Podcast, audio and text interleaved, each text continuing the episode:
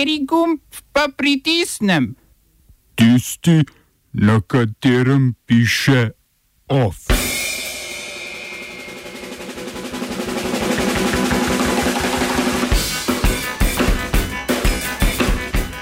Ultimat Etiopije upornikom v pokrajini Tigraj. Rusija ostro nad Jehovove priče. Ameriški predsednik Donald Trump privolil prenos oblasti. Zakona o kmetijstvu in kmetijskih zemljiščih spet v javni obravnavi.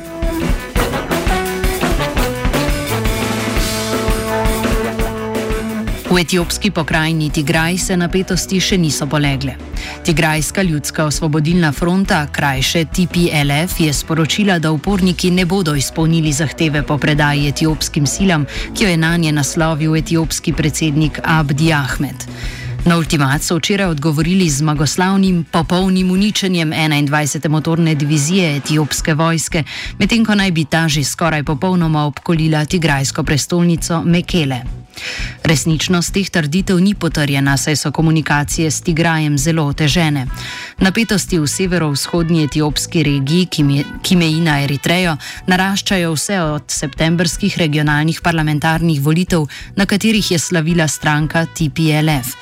Volitev v tej pokrajini, glede na odločitev etiopskega parlamenta, ne bi smeli izpeljati, saj so bile zaradi epidemije COVID-19 z avgusta predstavljene na pomlad prihodnje leto. you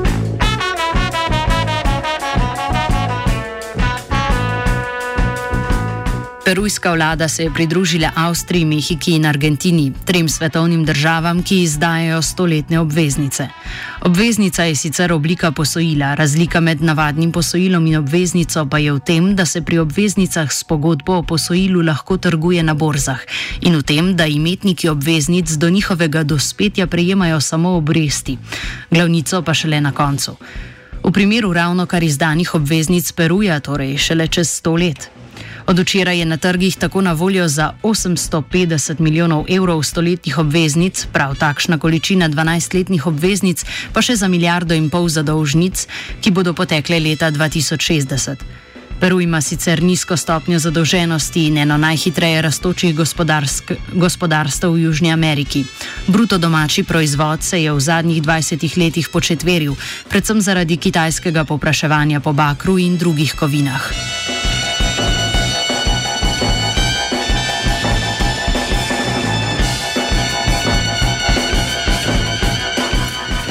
Prodaja stoletnih obveznic prihaja ravno v času precej turbulentne politične situacije v državi, ki je v zadnjih dveh tednih zamenjala kar tri predsednike države. Martina Viskaro je odstavil kongres 10. novembra, njegov naslednik Manuel Merina pa je odstopil po zgolj petih dneh protestov. Prejšnji torek zaprisegli Francisco Sagasti, nekdani uradnik Svetovne banke, bo državo vodil do predčasnih predsedniških volitev spomladi prihodnje leto.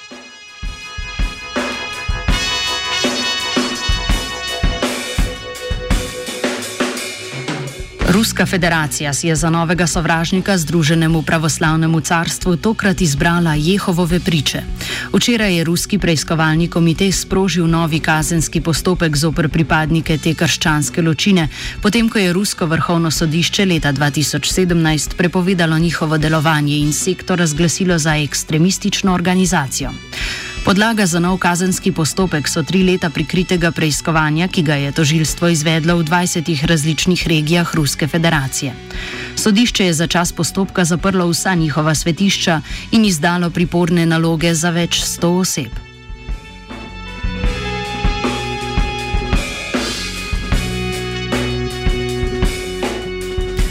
Ob tem je rusko notranje ministrstvo danes predstavilo vladni načrt digitalne transformacije v skupni vrednosti 600 milijonov evrov z močnim povdarkom na umetni inteligenci. Tehnologije, ki jih bodo razvili v naslednjih treh letih, bodo uporabljene za algoritemsko iskanje osumljencev na podlagi biometričnih podatkov zbranih na krajih zločinov. Ruska vlada upa, da bo uspeh prenovljenega tehnološkega sistema posnemal precej uspešno posodobitev davčnega informacijskega sistema, ki je v zadnjih treh letih pripomogel k kar 20-odstotnem zvišanju pobranih davkov na ravni celotne federacije.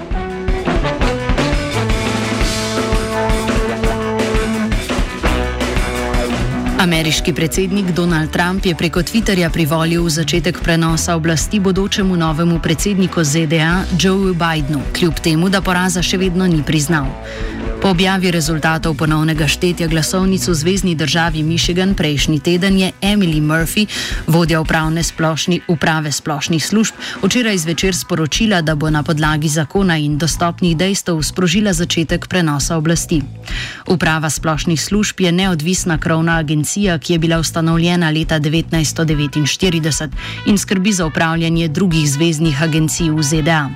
Bidenova administracija bo imela, danes, bo imela od danes naprej dostop do proračunskih sredstev, predvidenih za tranzicijo in stik z drugimi zvezdnimi agencijami.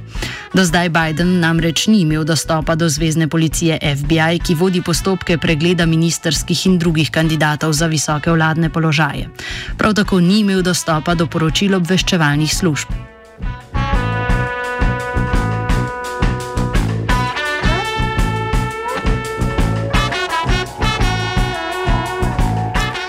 Biden je medtem že predstavil člane svoje vladne ekipe. Nekdani ameriški zunani minister John Kerry bo postal Bidenov odposlanec za podnebje. Zunanje ministrstvo bo vodil Anthony Blinken, namestnik vodje urada za nacionalno varnost v drugem Obamovem mandatu, sicer pa predan intervencionist. Predvsej raznolik je tudi preostanek do zdaj znane ekipe. Kubanec Alejandro Mayorkas bo imenovan na položaj ministra za domovinsko varnost, afroameričanka Linda Thomas Greenfield pa bo postala nova ameriška veleposlanica pri Združenih narodih.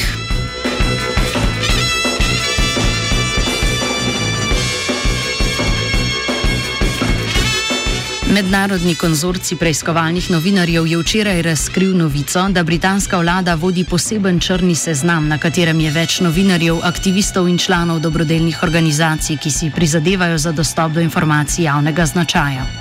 Britanska zakonodaja o dostopu do informacij javnega značaja je precej bolj rigidna kot v večini drugih evropskih držav. Zahtevke obravnava posebna komisija, ki jih lahko na podlagi odločitve o varovanju nacionalnih skrivnosti odobri ali zavrne. V zadnjem letu je bilo zavrnjenih več zahtevkov kot v vseh preteklih 15 letih skupaj. Ti so se nanašali predvsem na javno naročanje v času epidemije COVID-19. Na črnem seznamu so z imeni in primki pristali novinari, ki delajo za tiskovne agencije Associated Press, BBC, The Guardian in druge nevladne organizacije. Poleg njihovih kontaktov so na seznamu tudi kontakti njihovih delodajalcev ter področja njihovega dela. Oba, če, če bom odgovoril na angliški.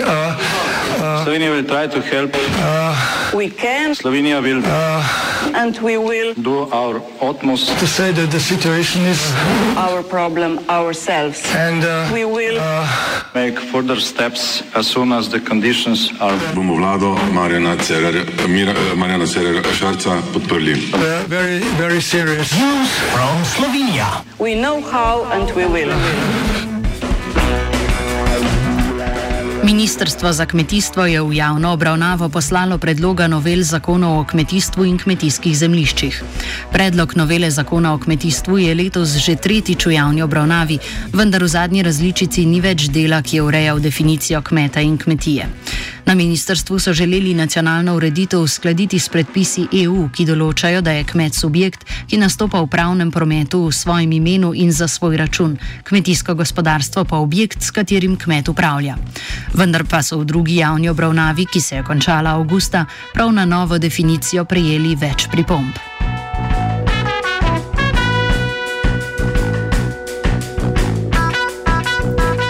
V javni obravnavi je tudi predlog novele zakona o kmetijskih zemljiščih, ki poenostavlja vsebine na področju zemljiških operacij in spet uvaja možnost izgradnje državnih namakalnih sistemov, kjer naj bi se kot investitor pojavljal sklad kmetijskih zemljišč in gozdov.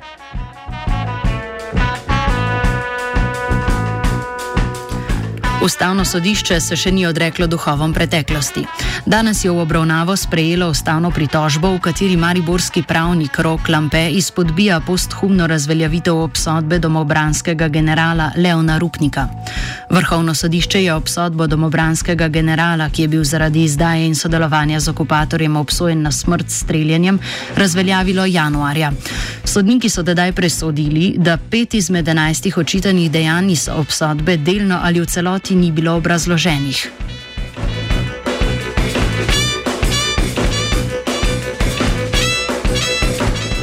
Ustavni sodniki so zadržali tudi ponovljeni kazenski postopek o Rupnikovi krivdi, ki gre po poti njegove rehabilitacije.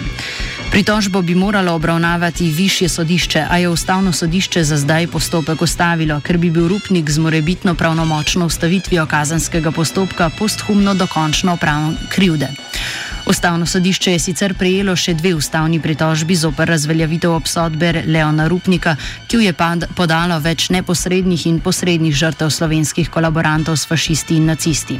Tem so se pridružile še Judovska skupnost Slovenije, Zveza Združen borcev za vrednote NOB in mestna občina Ljubljana. OF je pripravil Dugi.